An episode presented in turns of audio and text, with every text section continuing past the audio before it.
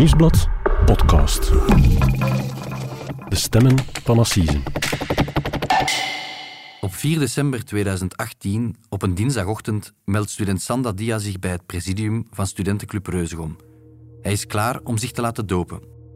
Hij weet dat hij aan een doop begint die twee dagen zal duren.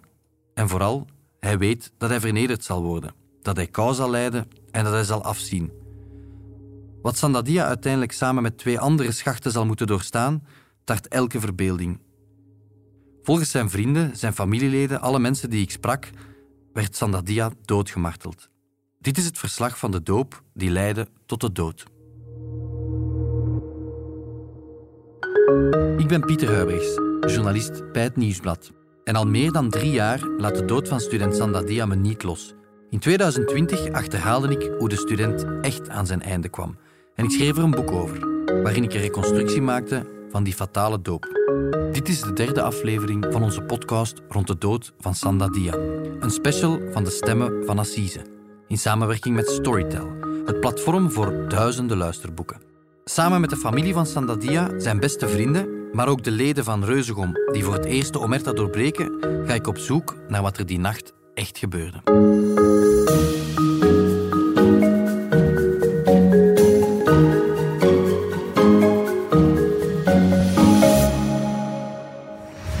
Laatste keer dat ik hem gezien heb was in onze straat toen hij juist van zijn kot, eh, van zijn kot kwam, ook zo in de apostelkleder en had hem um, nog 10 euro had afgetrold voor rozen.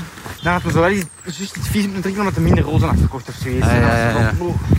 Maar dan kwam ik hem tegen hè, toen ik terug kwam naar de les en eh, dat was toevallig gewoon eigenlijk. En dan heb ik al toen die rozen gekocht en dacht van ja, straks zie ik hem niet meer. Want Ja, gewoon als soort vriendendienst. het wordt al, nee, iedereen probeert zoveel mogelijk van zijn vrienden aan te spreken. Dag Pieter. Dag Cedric. We gaan stilaan naar de doop. We gaan stilaan Mhm. naar het moment waarop alles is fout gelopen. En dat begint eigenlijk op het dinsdagochtend in een straat in Leuven. Ja, de setting is de, de Mechelse straat in, in Leuven, de, de winkelstraat in Leuven. Eh, we zijn dinsdagochtend 4 december 2018. En, en Lucas Serien, die we net hoorden, hè, die, die ziet zijn beste vriend eh, verkleed als apostel in de Mechelse straat staan. En, en Sandadia staat daar eh, rozen te verkopen, want dat is de eerste grote opdracht van de Tweede Wachse doop. Het eerste directief van Reuzegom. Die drie schachten moeten 700 rozen verkopen. En waarom, moet, waarom is hij verkleed als apostel? Ja, de- dus het doel is eigenlijk de clubkas eh, spijzen. En, en ze moeten alle drie eh, ja, verkleed zijn. En, en ja, ze mochten kiezen. Eh, een van hen is verkleed als, als, als Elio Di Rupo, een andere als Prins Carnaval. En Sandadia heeft gekozen voor een apostelkleed. En hij heeft ook een soort Tuareg-doek aan. En eh, niet onbelangrijk, dat kleed is eigenlijk nog gemaakt eh, door Papa Dia. eh, in de dagen voordien, die dat niets vermoedend eh, samen heeft zitten knutselen Ik met wist zijn niet zoon. waarvoor dat, dat moest dienen. Nee, nee is daar heel vaag over gebleven. En eigenlijk heeft hij weinig tot geen zin in die doop. Hij heeft dat in de dagen voordien aan, aan zijn beste vriend Lucas verteld. Van kijk, goh, ja, het is de apotheose van, van heel die ontgroening, maar, maar ja, er is eigenlijk niks leuk aan. En ik heb eigenlijk een beetje schrik van wat er de komende twee dagen gaat gebeuren. Maar ik moet erdoor. Uh, je moet Ja. weten, de weken voordien, eh, Cedric, daar hebben we het in de eerste aflevering over gehad, eh, die staan bol van de incidenten. Hè. Er is veel verbale agressie, hij is racistisch bejegend. Ehm, ja, er is ook fysieke agressie geweest tegenover, tegenover eh, andere schachten. En hij heeft eigenlijk aangegeven van, ja, goh, ik wil er eigenlijk mee kappen. Mhm. Nu, dat botst natuurlijk met zijn eh, tomeloze ambitie en, en, en ja, de overtuiging van ik moet hier nog door en dan ben ik volwaardig lid en dan, ja, dan, dan, dan, ja, dan zal mij dat helpen om ooit aan een job te geraken. Dus ja, hij staat daar die middag rozen te verkopen. Ehm, En ja. het vlot niet. Nee, het vlot helemaal niet, in tegenstelling tot die twee andere schachten. Hè. Dus die Prins Carnaval en die Elio Di Rupo, die verkopen wel honderden rozen doorheen de dag. En hij is de, ja, de ja, aan, aan Sandadia is geen eh, rozenverkoper. eh. En hij wordt dan gestraft, vermoed ik, omdat hij weinig rozen verkoopt. Wel, dat is, het, dat, is het, eh, dat is het concept van de doop. hè. Je wordt gestraft en je wordt dubbel gestraft eigenlijk. Je moet eigenlijk bij, de, bij het presidium van de Reuzegom komen en zij laten je extra bier drinken. Maar hij moet ook vieze, vieze papjes eh, nuttigen. Hij krijgt van alle vetzakkerij op een toast uitgesmeerd. in garnalen die hij moet, eh, moet, moet drinken. Er is ook een vetbol voor vogels die ze moeten opeten. En ja, het, het evolueert eigenlijk in een situatie dat hij van de drie schachten het hardst gestraft wordt de meeste vetzakkerij moet eten en het meeste alcohol moet drinken. Pieter, het gaat hier om een studentendoop. Mhm. Wie waren dan de mannen aan wie dat Sandadia zich bij Reuzegom had onderworpen? Tegen wie zijn de mannen eigenlijk die hem onder de knoet houden? Wel, je moet dat zien als een heel hiërarchisch eh, systeem. Hè. Ehm, in totaal waren er dat jaar 22 volwaardige Reuzegom-leden. Dat zijn mensen die in de jaren voordien gedoopt zijn, die zich eigenlijk meer, allee, ja, meerwaardig gedragen of, of zich superieur... Volwaardige leden. Volwaardige leden die zich eigenlijk moreel superieur voelen ten opzichte van die drie schachten die het al tot aan de tweedaagse doop eh, hebben, hebben geschopt. Ehm, van die 22 leden, belangrijk, waren er vier leden afwezig. Sommigen waren in, een- in het buitenland aan het studeren, anderen moesten werken, eh, hadden geen tijd, hadden geen zin. Eh, en er zijn eigenlijk 18 volwaardige reuzegomleden Ja. die participeren aan die tweedaagse doop. Oké, en hadden die allemaal dezelfde verantwoordelijkheid? Hadden die allemaal iets te zeggen over die schachten? Of... In zekere zin mochten ze allemaal dingen doen met die schachten, maar eh, wat ik daarnet zei, eh Cedric, die, die hiërarchie was, was, was heilig. Eh, je hebt het presilium en eigenlijk zijn er, moet je, moet je merken, er zijn eigenlijk drie cruciale reuzegom-figuren die echt de touwtjes in handen hadden. Je hebt de prezes, hè, dat is de eindbaas van reuzegom. Op dat moment was dat zaadje. Misschien even kaderen, we gebruiken hier niet de volwaardige identiteiten. hè. we geven de, de schuilnamen of de En roepnamen, clubnamen. de clubnamen die ze zelf hanteerden. Zaadje, die was in Leuven herkenbaar aan een dubbel eh, groen-wit lint. Een prezes draagt een dubbel lint. Ja, en dat was een 21-jarige student uit Edegem. Belangrijk, Edegem, want ook Sandadia is afkomstig van Edegem. Ja. Dus die twee kenden elkaar wel, meer nog, die zaten op dezelfde middelbare school. Oké, maar de prezes was een paar jaar ouder dan, vermoed ik. Ja, die was iets eh, ouder, denk ik, op dat ogenblik. Die was één jaar ouder. Ehm, en dan heb je de twee andere eh, belangrijke rollen. Dat is de schachtentemmer van Reuzegom. Dat is degene die eigenlijk de doop in goede banen moet leiden. Dat is degene die het meeste lawaai maakt. hè, die bij manier van spreken met de stok achter de schachten loopt. En wie was dat? Dat was Janker. Eh, dat was een student uit Mallen. Dat is degene die eigenlijk het, het doopscript, dat weliswaar al bestond in de jaren voordien, eigenlijk uitwerkt en zegt van kijk, dit jaar gaan we er een gestoord, bruut jaar van maken. Hij is de leider van de doop. Hij is degene die, die de opdrachten uitzet, inderdaad. Ehm, eh, die was pas twintig, dus even oud als Sanda, ehm, maar die was bijzonder agressief. was een heel klein ventje, een klein mannetje, en, en het lijkt zo'n beetje dat hij een beetje... Ja, dat hij bijzonder verveeld zat eigenlijk met zijn, eh, met zijn eigen kleine gestalte. Oké, en de derde dan? De derde was Sondage. Ehm, dat was de penningmeester. Want zoals het natuurlijk gaat bij een vereniging, heb je ook iemand nodig die de financiën regelt en de aankopen eh, coördineert. En dat was Sondage, 21 jaar, de man van de logistiek, zeg maar. Nog een, een vierde opvallende figuur die we hier moeten vermelden, eh, dat was Wally. Wally was iets ouder lid van Reuzegom. Ook een clubnaam, ik- vermoed ik. Ja, een clubnaam, een Antwerpse student ook. Ehm, en dat is eigenlijk degene aan wie dat Sandadia destijds vroeg van kijk, ja, ik, ik zou eigenlijk bij Reuzegom willen gaan. Hoe gaat dat praktisch? Wie moet ik hier concreet aanspreken? En belangrijk, dat, eh, dat was degene die eh, fungeerde als dooppeter van Sanda. Eh, dus je moet weten, Cedric, bij zo'n doop krijgt iedereen een peter aangewezen. Dus elke schacht heeft een peter. En dat is eigenlijk iemand die een beetje een, een, een oogje in het zeil moet houden. Die, die, die heeft er- een zekere verantwoordelijkheid over Sandadia op dat moment. ja, je zou kunnen stellen dat dat een figuur is die moet zeggen als het uit de hand loopt van stop. Het, het- mijn petekind is er niet goed aan toe, we stoppen ermee. En wie, wie was er nog allemaal aanwezig op die doop? Wel, dan heb je nog, eh, nog 15 andere leden. Die hebben allemaal een, een clubnaam natuurlijk. Eh, ik zal ze even opzommen. Hè. Strontvlieg, Pronker, Flodder, Shrek, Placebo, Igean, eh Rustag. Zo van die figuren. Ehm, Het ja. zijn namen die ook al heel veel zeggen over eh, wat die club precies inhoudt. ja, dat refereert altijd naar iets dat, dat, ja, dat ze in, in Ja. het verleden zelf hebben meegemaakt. Hè. Ja, maar als je je vrienden strontvlieg of placebo gaan noemen, dat zegt ook al heel veel. Dat voorspelt weinig goed.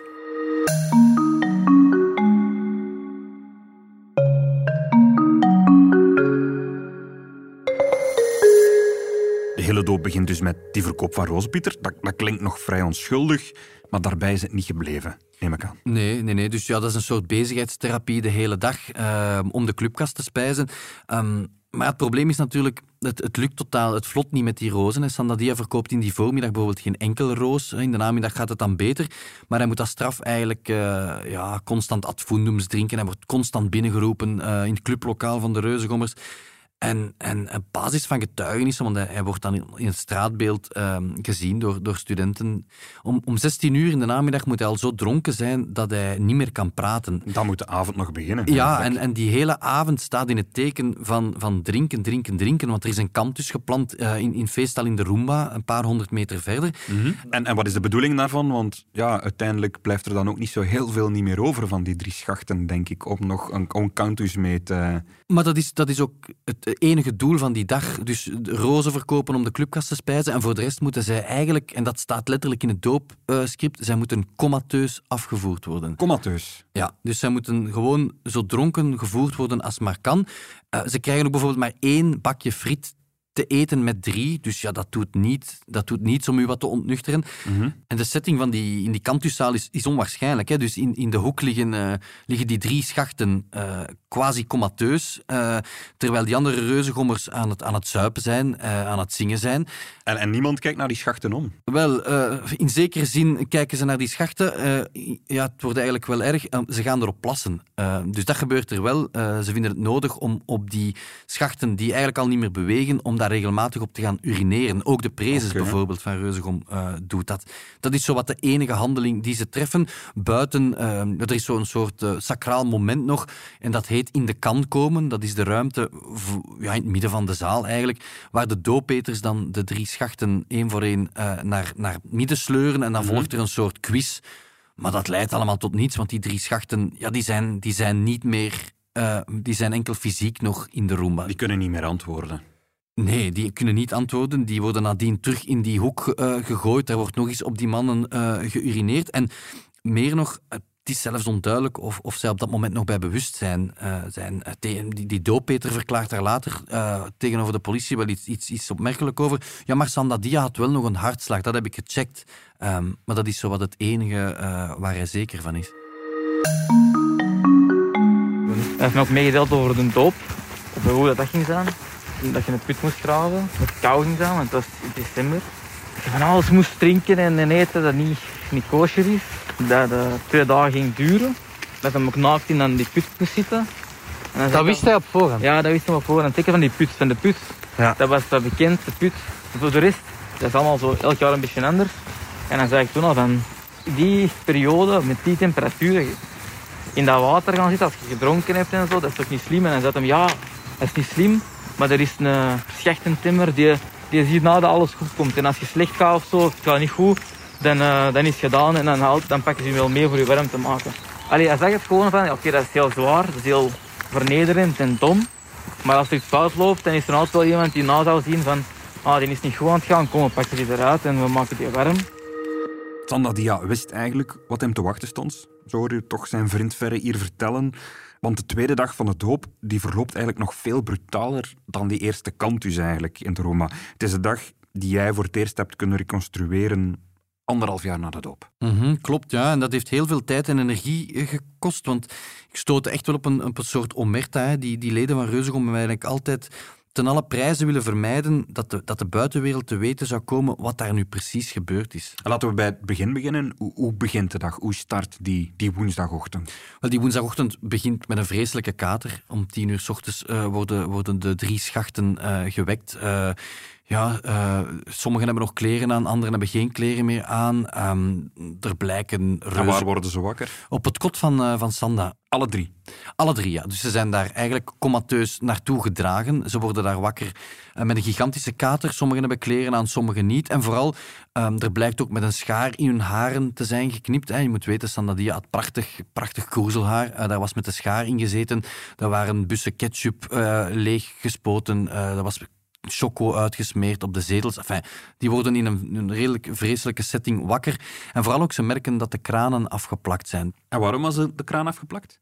Wel ja, iedereen die eh, ooit in zijn leven al eens een kater heeft gehad, die wil 's ochtends maar één ding en dat is eh, liters water drinken. Eh, ja, om op zijn minst die koppijn een beetje te verdrijven. Oké, en het was dus echt de bedoeling dat ze een zware kater zouden, met zo'n zware kater zouden beginnen aan die dag. Ja, dat staat letterlijk ook in het doopscript. Hè. Schachtentemmer Janker eh, pleiten daar absoluut voor. Ze moeten comateus in bed gelegd worden en ze moeten met gigantische kater uh, wakker worden.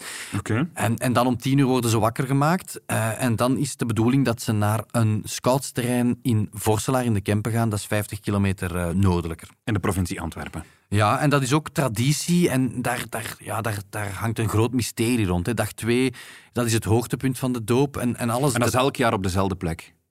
Ja, dat is elk jaar op dezelfde plek. En vooral, en dat is niet onbelangrijk, dat is buiten Leuven. Okay. dus in Leuven is er nog een zekere controle mogelijk, ook al hebben zij destijds geweigerd om het doopcharter te ondertekenen. Maar als je je terugtrekt met twintig ergens in een bos, naast de autostrade, ergens diep verscholen in de Kempen, mm -hmm. ja, dan is er geen controle. Zouden er echt rekening mee dat iemand hen zou kunnen zien in Leuven en dan zou zeggen van mannetjes, uh, hier stopt het. Ja, en dat is wat er eigenlijk in de praktijk ook gebeurt. Um, er zijn getuigenissen van, van, van uh, studenten die Sandadia zien strompelen. Um, bij het vertrek dan? Bij vertrek dan, ja. En vooral, er is een heel cruciaal uh, moment. Um, net voor ze vertrekken moeten ze op hun knieën gaan zitten, ergens achter een garagebox, eh, wachtend op de rest van Reuzegom, eh, tot aan de auto's, klaar voor vertrek naar Vorselaar. En ze kruisen een uh, Leuvense professor, iemand die uh, deeltijds in Leuven les geeft en deeltijds in het uh, buitenland vertoeft. En die vrouw is juist gaan fitnessen, die vertrekt met haar auto aan die garageboxen, maar die keert terug. Mm -hmm. Waarom? Omdat zij ziet dat een van de schachten, Kazu Sandatia, er heel beroerd aan toe is. Ze stapt uit ze, ze, ze, ondervraagt die reuzegomleden en ze dreigt ermee om de politie te bellen. Ze zegt van, Omdat kijk, ze ziet dat, dat hij er zo erg aan toe is. Dat, ja, dat, dat, is iemand die... Zij denkt van, dat is iemand die, die naar het ziekenhuis moet misschien. Uh, ik ga de politie bellen. En ze zegt dat ook. Mm -hmm. um, maar achteraf zal blijken dat zij eigenlijk belogen wordt. Uh, de, het presidium van, van Reuzegom maakt haar wijs dat de doop net voorbij is. Dat ze inderdaad weinig geslapen hebben, dat het wat intens was. Maar dat Sandadia er goed aan toe is. Dat ze gaan slapen en dat de doop voorbij is. Wat eigenlijk gelogen is, want de doop moet nog beginnen op dat moment. Ja, het echte deel van de doop moet eigenlijk nog, nog, nog, nog beginnen. Een half uur later, um, ze hebben die professor kunnen afschepen, zetten ze koers naar Vorselaar. Uh, Sandadia kan zelf, niet zelfstandig in een auto stappen, moet in een auto gedragen worden. En, en wat gebeurt er dan als ze in Vorselaar zijn uiteindelijk, als in het bos toekomen? Wel, ze komen dan toe in Vorselaar en dan begint het sacraal moment. Hè. De drie schachten krijgen een schop toegeworpen. Ja, ze moeten een put graven. Een put van een halve meter diep, die gevuld wordt met ijskoud water. En dat is eigenlijk de plek waar ze de rest van de dag in zullen zitten. Oké, okay. dat is iets wat elk jaar gebeurt. Die put, dat is iets wat, wat in het draaiboek ook staat dan. Het is de arena van vernedering. Uh, tien uur lang zullen ze daar minstens in moeten doorbrengen. En, en ja, dat is voor de reuzengommers is dat de mythische plek. De reuzengommers staan dan boven naast de put. De schachten die zitten onderdanig in de put. Um, en, en om de zoveel uren worden er emmers ijskoud water in die put gegooid. Net om, om ja, die onderkoeling van die, van die schachten in de hand te werken. En ik begrijp dat ze dan eigenlijk een aantal uur in die put moeten staan. En, en wat moeten ze daar eigenlijk precies doen in die put? Wel ja, er volgen de hele dag uh, opdrachten. Hè. De focus is eigenlijk die, die schachten zo nat mogelijk houden en zorgen dat ze het zo koud mogelijk hebben. Want je moet weten, Cedric, het is winter, het is 6 graden uh, kou. En ze zitten de hele dag in die put en ja, ze krijgen de ene opdracht na de andere. Hè. Dat is goh, ja, een tennisbal proberen te vangen, enkele quizvragen beantwoorden, samen een lied zingen. Um, maar die context is belangrijk. Hè. Ze zitten in die put, ze hebben de gigantische kater, ze hebben eigenlijk geen zin, ze hebben nog niet de kracht om echt mee te doen. Dus zelfs die simpele opdrachten, ja, die verlopen stroef. Um, af en toe worden ze uit de put uh, gehaald en dan, moet, dan worden ze in een ijskoude beek enkele honderden meters verder uh, gegooid. En de bedoeling is eigenlijk, allee, dat is de, de reuzegom-filosofie daarachter, is dat ze een, een band voor het leven smeden. Dat ze in de uren die ze daar samen doorbrengen, dat er een soort collegialiteit, een soort broederschap uh, ontstaat. Ja. Um, en, en ze weten ook, en dat is natuurlijk het akelige ook, het begint allemaal redelijk eenvoudig en het tempo wordt doorheen de dag opgedreven. Oké, okay, en ze moeten ook hier en daar wat, wat van die walgelijke papjes eten en drinken, heb ik ook begrepen. Ja, dat is op dag één al begonnen. Hè. Vooral Sandadia heeft daar heel veel uh, vieze papjes moeten eten. En, en wat zit daarin?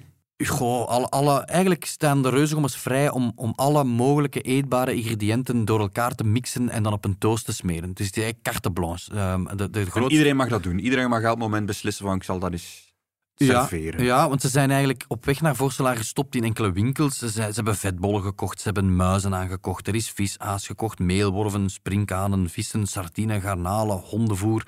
Um, ja, uh, noem het op. Alles wat wat door elkaar kan gemixt worden en dat min of meer theoretisch eetbaar is, dat krijgen ze, dat krijgen ze geserveerd. En er is ook een opdracht bijvoorbeeld opvallend. Um, op een gegeven moment wordt er een levende paling uh, in de put gegooid. Mhm. En de opdracht is dan um, om die zo snel mogelijk te vangen. En dan moet de kop van die levende paling afgebeten worden. En het is Sanda die, die, die op dat moment helder is en die die paling kan vangen. En er was ook nog een fles visolie aangekocht. Ja, ik denk dat je kan spreken van een serieuze bidon visolie. Er zat een uh, 4,5 liter uh, visolie uh, aangekocht. En dat was voor hen in de filosofie van Reuzegom ook zoiets van al die, al die um, vreselijke papjes die moesten gegeten worden. Ja, om die tussen aanhalingstekens verteerbaar te maken, uh, werd daar visolie bij geserveerd. Er was een soort volgorde waarin er uit een plastieke fles gevuld met visolie moest gedronken worden. En Sanda kwam altijd als laatste aan bod. Dus die moest eigenlijk um, meeste van die visolie. De fles moest leeg zijn, dus hoe, hoe minder zijn voorgangers dronken, hoe meer hij moest drinken. Ja, Sanda was eigenlijk altijd uh, ja, de type uh, van heel dit. En heel die namiddag stond eigenlijk in het, in het teken van vernedering. Okay. Die drie schachten die moesten eigenlijk zoveel mogelijk vernederd worden. Ik refereerde um, naar, dat, naar dat vleeselijke plassen op de schachten op, op avond 1 van de doop in, de in Leuven.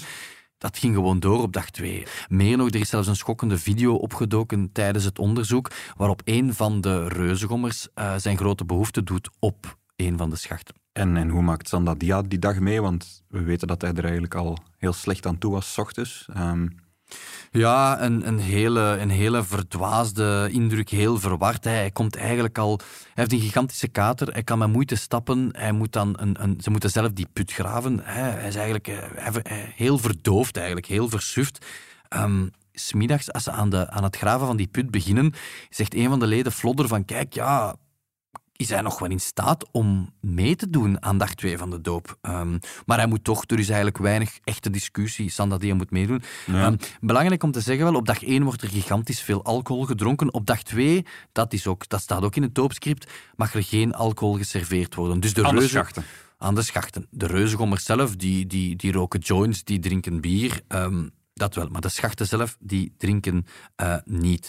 Um, er is nog een belangrijke sms opgedoken bij aanvang van dag 2 van de doop. Als ze in de put arriveren, Mhm. mm -hmm. stuurt een van de reuzengommers uh, in de groep van de, van de, van de Ruziegom, de WhatsApp-groep van Reuzegom, Sanda is al rijp voor de vuilnisbak. En wanneer loopt het dan finaal mis eigenlijk op die doop?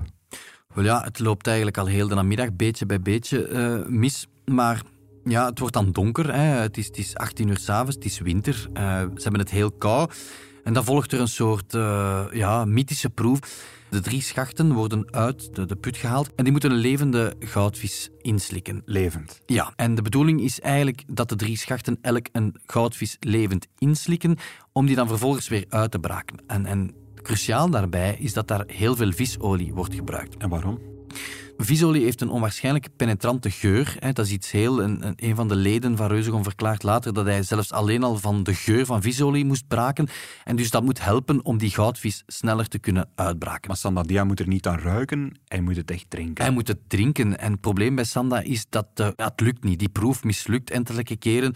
Er wordt opnieuw een vis aangebracht, er moet opnieuw gedronken worden. Dus Sanda krijgt al maar meer visolie te drinken. En, en ja, die bidon waar ik van sprak, waar 4,5 liter visolie in zat, um, ja, er gaat altijd maar meer visolie uit en er zal uiteindelijk maar anderhalve liter visolie overblijven. Dus dat is 3 liter visolie dat verdwenen is tijdens Ja, en er zal wel een deel gemorst worden, maar een, een deel van die visolie wordt opgedronken door de schachten en vooral door Sanda. En ja, dat, dat loopt fataal af. Hè. Dat doet zo'n dramatische dingen met zijn lichaam. En het stopt ook niet bij die goudvis. Een paar minuten later komt Flodder, een van de reuzegomleden, komt, komt af met levende muizen die dan in een blender gemixt worden. Ze moeten dan nog delen van die muis opeten. Daar wow. wordt ook al eens vis, daar wordt opnieuw visolie bij gemengd. En je merkt in de uren nadien dat die visolie, ja, die... die die ruïneert het lichaam van Sanda. Hoe zie je dat dan precies? Of wat, wat gebeurt er precies met Sanda die? Na die proeven, die reuzengomleden, die gaan terug aan het kampvuur zitten, die gaan naar hun blokhut, die roken hun joint, die drinken hun pintje en die laten die schachten eigenlijk, ja, alleen in die put honderden meters verder achter. En het zijn eigenlijk, de schachten zijn op elkaar aangewezen en die twee andere schachten, die er zelf slecht aan toe zijn, mm -hmm. die zien hoe Sandadia minuut per minuut achteruit gaat. Hij, hij geraakt zelfstandig niet meer in die put, hij heeft gigantische coördinatiestoornissen, zijn ogen vallen dicht hij kan geen zinnig woord meer uitkramen. Hij strompelt, hij kan niet meer recht staan. En hij valt neer in, in de put in een soort feutushouding. En het, het strafonderzoek heeft ook aangetoond dat om 19 uur uh, 08 die avond ja, er een, een, schokkende foto is genomen uh, door een van de reuzegomleden. Hij ziet Sandadia echt zo helemaal verkrampt in een feutushouding in die, in die ijskoude put liggen. Mm hij beweegt niet meer op dat ogenblik. En ja, dat zijn cruciale uren waar er eigenlijk um, ja, al lang naar het ziekenhuis had moeten gegaan worden, maar dat gebeurt niet. Ze willen hem niet naar het ziekenhuis brengen of, of ze treuzelen daarbij? Of, of... Maar ze, ze hebben totaal geen hun moreel kompas staat niet afgesteld. Hè. Ze hebben totaal geen idee dat die schachten er zo slecht aan toe zijn. Want in het doopscript, uh, doopscript liever, de voorbije jaren, is het ook zo gegaan. Die, die mannen, die schachten, die blijven tot s'avonds laat in die put zitten en ze moeten hun plan maar trekken. En het is eigenlijk pas als die twee schachten die met Sandadia al heel die namiddag in die ijskoude put liggen, alarm slaan en zeggen van mannen, kom eens kijken, want die, ja, die beweegt niet meer. Volgens ons is die niet meer bij bewustzijn dat er toch één slimmerik is, een van de geneeskundestudenten die aanwezig is, Kelter, die, die eens komt kijken en, en zegt van, oh, oké, ehm, ja, die is er echt, um, die is er echt beroerd aan toe. En, en dan, ja, dan, dan ontstaat er beetje bij beetje paniek. En dan, aanvankelijk is het nog lichte paniek. Ze halen Sandadia dan uit de put. Het zijn nota bene nog de twee schachten zelf die er, zoals ik al gezegd heb, heel slecht aan toe zijn zelf, die door het hoge gras in het donker uh, hun vriend naar het kampvuur moeten sleuren. Want wat, mhm. is, wat is het principe van Reuzegom? Ja, het is koud, uh, je bent onderkoeld, wat gaan we doen? We leggen Sandadia even aan het kampvuur. Dat is de voorbije jaren ook al gebeurd met collega's. En dan komt dat wel goed. Enig probleem is natuurlijk, komt helemaal niet goed. Hoe laat is het dan uiteindelijk als Sandadia in een auto naar het ziekenhuis vertrekt? Wel, dan zijn we al 9 uur s'avonds. Um, die bewuste foto is genomen om 19 uur 08. Dat wil zeggen dat ze nog twee uur getalmd hebben om met uh, ja, een bewusteloze Sandadia naar het ziekenhuis te trekken.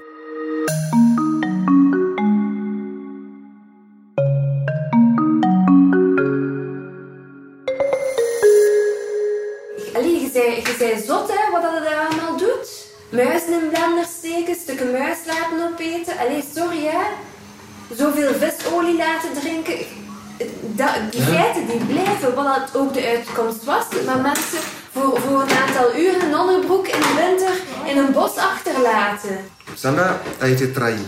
Parce que Sanda, il était, il n'était pas naïf, il n'était pas con. C'était super intelligent. Et je pense que parmi ce groupe, ils l'ont choisi comme un, un, un victime. Cette fois-ci, on a une victime, un noir. Et on va aller le maximum, on va pousser le bouchon le plus loin qu'on peut. Je ne dis pas qu'ils voulaient le tuer, hein, non. Mais je dis qu'ils ont trouvé un sanda, un smartphone qu'ils pouvaient expérimenter jusqu'où ils pouvaient aller. Et parmi ce groupe-là de leaders, il y a quelqu'un qui a fait croire à Sanda, ik zal er zijn voor u, maak u geen zorgen. Et cette personne-là, cette personne-là, mais Ferre, il l'a dit, naar de boer. Zegt van ja, maar maak je geen zorgen, er is daar een. Die, en die zal wel ingrijpen als, als, als iets gebeurt. En dat is eigenlijk heel hard. Pieter woorden hier Marie, dat is de, de vriendin van Seydou, de broer van Sandadia. En uiteraard ook uh, de papa van Sandadia, hè, die uh, hier hard is voor Reuzegom. Hij zegt dat de andere studenten eigenlijk op zijn zoon geëxperimenteerd hebben. Dat ze wilden kijken hoe ver ze met een mens konden gaan. En heeft het ook over de dooppeter van Sanda, hè, die eigenlijk over, um, over over Sandadia moest waken. Hij had een, zekere verantwoordelijkheid op die doop, maar heeft daar gigantisch in gefaald. Mm Ja, en dat, dat, is ook de, dat is ook wat Sanda eigenlijk tegen zijn beste vrienden zei voor de doop. Van ja, er gaat voor mij gezorgd worden. Als het op een bepaald moment slecht gaat, dan heb ik eigenlijk mijn, mijn vrienden die voor mij zullen zorgen. Um, ja, en als, je dan, als we dan kijken naar, naar het traject van die dooppeter, die was, die was bijvoorbeeld veel te laat op dag twee van de doop, had zich overslapen, hij was zijn sleutels kwijtgespeeld na de kantus mm en hij is er pas in de namiddag doorgekomen. Oké, en, en jij hebt ook met een aantal leden van Reuzegom gesproken, dat weten we al. Wat zeggen zij eigenlijk over die doop? Wat vinden zij daarvan?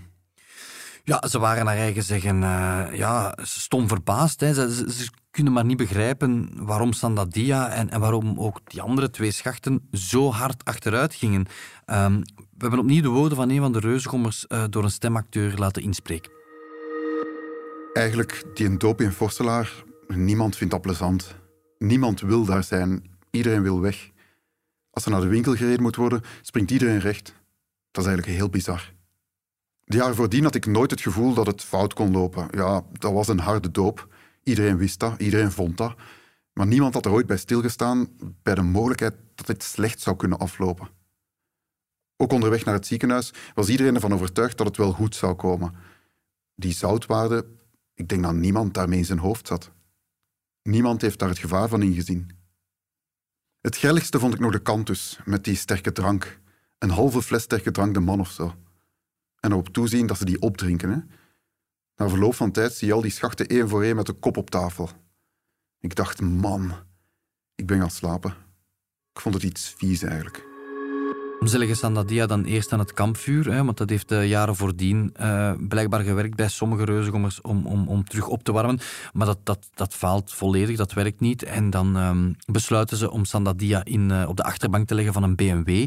Um, om de chauffageknop op maximum te zetten in de hoop dat dat, dat werkt, maar dat, ook dat werkt totaal niet. Ze leggen zelfs vuilniszakken op de achterbank van de BMW, dat de BMW zeker niet vuil wordt, terwijl de, de stervende Sandadia daar in die auto ligt.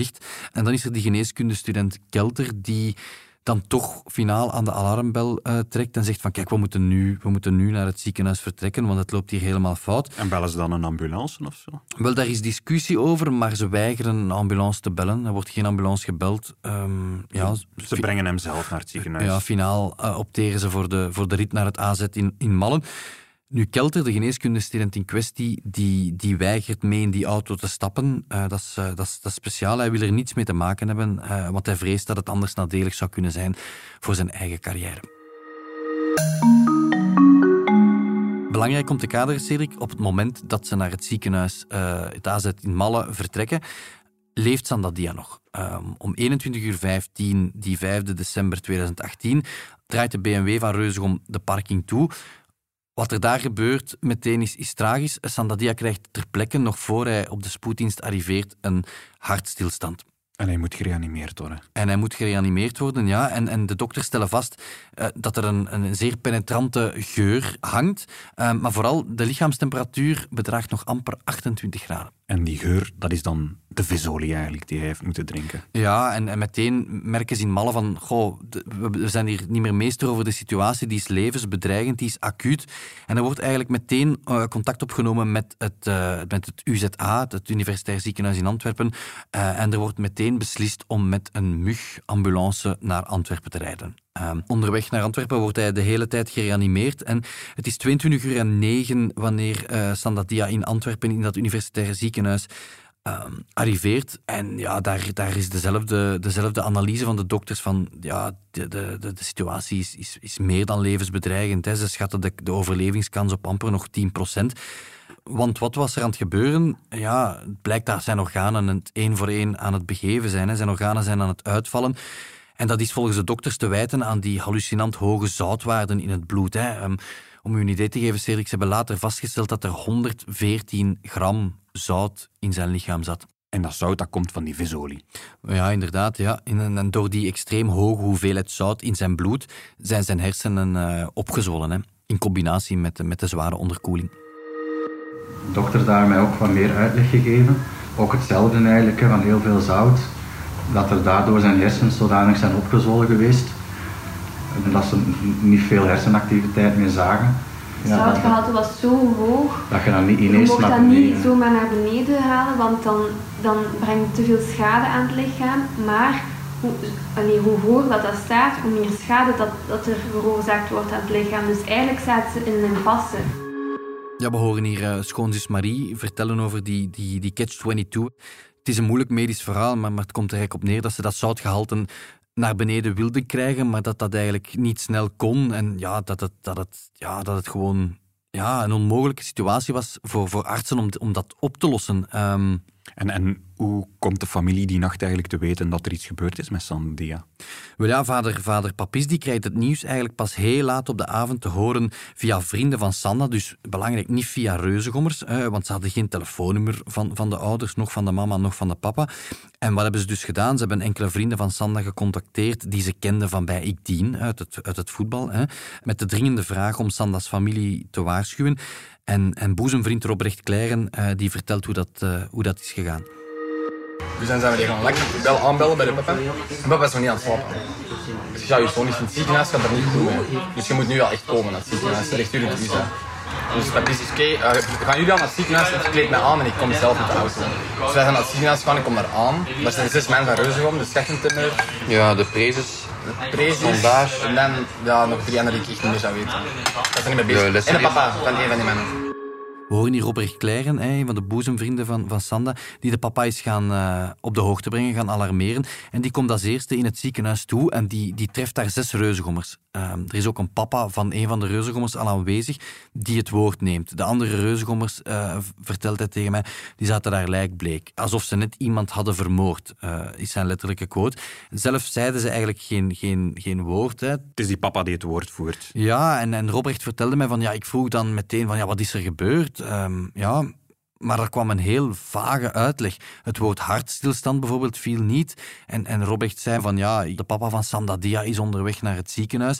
Um, en dan gebeurt er ook wel iets opvallend. Um, ze gaan naar een apart zaaltje en, en ja, finaal gaan die reuzengommers eigenlijk uh, discreet weg uit het ziekenhuis om toch vooral die confrontatie met de papa uh, niet te moeten hebben. Omdat ze weten, de vader van Sandadia komt eraan en we willen die eigenlijk liever niet onder ogen komen. Inderdaad. En wat er dan gebeurt ook, Cedric, ja, er is een soort parallele wereld. Hè. De reuzengommers zelf, die, die lijken op dat ogenblik vooral met hun eigen lot in te zitten. Hè, wat, wat gaat dit voor hen betekenen? Want ja, er is iets erg gebeurd. Ze voelen dat ze in de miserie zitten.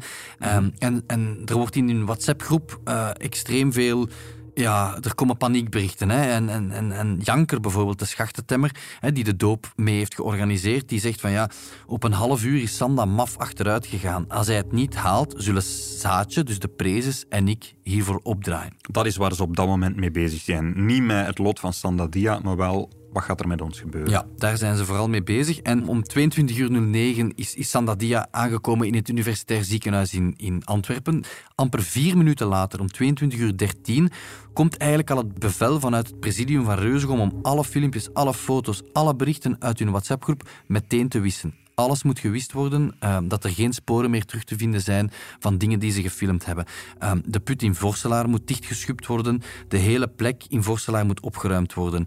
Ehm, er zijn ook enkele reuzengommers die, die, die uh, het bevel krijgen of de vraag krijgen om naar Leuven te rijden, naar het kot van Sandadia, uh, waar die kranen nog altijd zijn afgeplakt. Weet je nog? Dat moet, ook, dat moet ook verdwijnen. Heel het appartement is één grote stal. Alles moet uh, opgeruimd worden, alle bewijsmateriaal moet weg. Om 15.17 uur 17 sterft Sandadia in het Universitair Ziekenhuis in Antwerpen. Dat is anderhalve dag nadat hij in het ziekenhuis is binnengebracht. De officiële doodsoorzaak luidt een hersenedeem, de gevolgen van extreme hypernatriëmie, de gevolgen van een zoutoverload. Zijn vrienden moeten zijn overlijden via de krant vernemen. De in, de, eh, in een artikel staan SD, uh, uitgelopen doop in Leuven. Want wij wisten er niets van. De mij wist dat dan uit de krant. En dan zei hij tegen mij van ja, uh, daar in het ziekenhuis. Probeer niet te veel te lezen wat er gebeurd is. Die opeenvolging aan feiten, maar er nooit wordt ingegrepen. Dat is eigenlijk het gekkennis Al die dingen zijn afzonderlijk, zijn walgelijk. Al die dingen samen zijn nog walgelijker. En als je dan nog ziet maar hoe dat dan evolueert door in die twee dagen, Aha. dan maakt het helemaal onbegrijpelijk. Dan wordt het voor mij dat ze wel gestraft moeten worden gewoon om die, om die reden. Ja, ja. Hetgeen dat allemaal zo nog erg gemaakt is die op ja, is het feit dat ze gewoon enkel hun eigen vel willen redden in plaats van gewoon eerst een beetje menselijk te zijn. In de volgende aflevering zullen we het hebben over wat er allemaal gebeurd is na de dood van Mhm. de, de, de, de, jaren nadien, de reuzengommers die, die onderduiken, een strafonderzoek dat er gebeurt, de grote maatschappelijke commotie die ontstaat, tot in de hoogste regionen van het rectoraat van de KU Leuven. En, en ook jou dan finaal tot een, tot een proces komt. Dit was de derde aflevering van de special van Stemmen van Assisen over de dood van Sandadia. De stemmen waren van Pieter Huibrechts en van mezelf, Cedric Lagast. De montage en de muziek zijn het werk van Pieter Schrevens van House of Media. En de productie gebeurde door Bert Heijvaart.